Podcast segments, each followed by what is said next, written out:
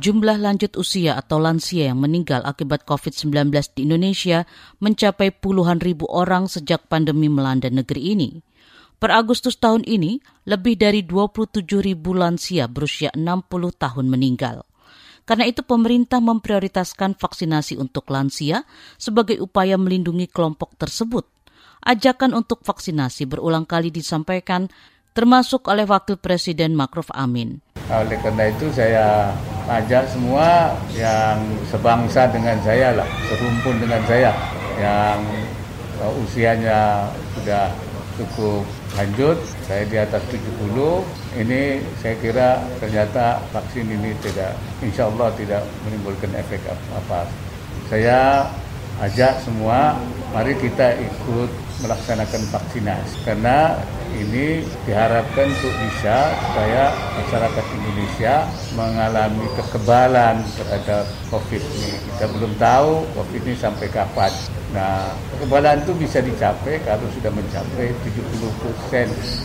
Pemerintah membeberkan sejumlah masalah penyebab rendahnya cakupan vaksinasi lansia, antara lain ketiadaan pendamping, akses transportasi yang sulit, dan khawatir akan keamanan serta efektivitas vaksin. Itu sebab Satgas COVID-19 meminta anggota keluarga lebih proaktif, memberikan pemahaman kepada orang tuanya agar mau divaksin.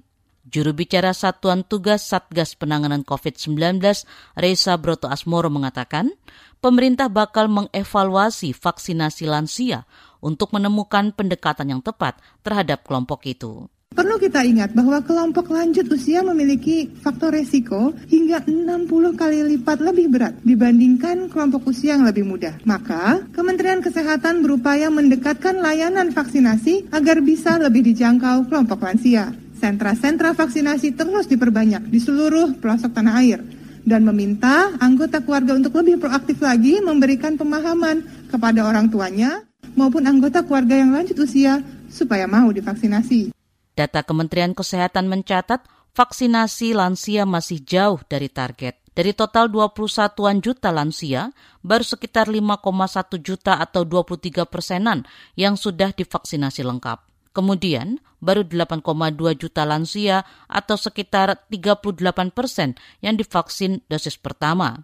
Berbagai upaya dilakukan untuk memenuhi target vaksinasi lansia, antara lain melalui instruksi Menteri Dalam Negeri tentang PPKM. Dalam instruksi itu disebutkan, penentuan kriteria level wilayah juga mempertimbangkan capaian target vaksinasi lansia di suatu daerah. Misal, untuk turun dari level 3 menjadi 2, maka kabupaten kota harus mampu memvaksinasi minimal dosis pertama sebesar 50 persen dan 40 persen vaksinasi untuk lansia usia di atas 60 tahun. Pemerintah Kabupaten Banyuwangi, Jawa Timur menjadi salah satu daerah yang berupaya mempercepat capaian vaksinasi untuk lansia. Bupati Banyuwangi Ipuk Festiandani menginstruksikan kepada seluruh petugas kesehatan untuk jemput bola ke rumah-rumah lansia guna divaksinasi. Ada juga saya langsung melakukan vaksinasi ke beberapa lansia, uh, intinya sambil jemput bola. Ya, jadi lansia memang yang sudah sepuh tidak bisa tidak hadirkan ke puskesmas maka harus harus dijemput bola oleh tenaga kesehatan. Bupati Banyuwangi Ipu Festiandani menargetkan pada pekan pertama November ini capaian vaksinasi dosis pertama bisa mencapai 70 persen dari total sasaran vaksinasi 1,34 juta orang. Sedangkan lansia mencapai 60 persen. Berdasarkan surat edaran Kementerian Dalam Negeri, saat ini Banyuwangi masuk daerah PPKM level 2. Sementara itu, salah seorang pendiri platform organisasi lapor COVID-19, Ahmad Arif meminta pemerintah konsisten mempercepat program vaksinasi, terutama bagi lanjut usia, sebab para lansia termasuk kelompok rentan. Jadi vaksin itu harus didasarkan pada prinsip keadilan dan keadilan itu kan kita juga harus kenapa misalnya lansia itu harus prioritas gitu karena lansia memiliki ketidakberimbangan kalau dia terpapar oleh COVID gitu, sehingga harus dia duluan karena dia kelompok yang beresiko. Juga kenapa sih eh, masyarakat masyarakat pedalaman misalnya, masyarakat desa dan seterusnya ini sekarang yang harus ini. Jangan dulu di booster misalnya. Dan itu aturan udah jelas sebenarnya. Demikian laporan khas KBR. Saya Fitri Anggreni.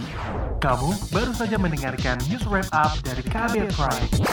Dengarkan terus kbrprime.id, podcast for curious mind.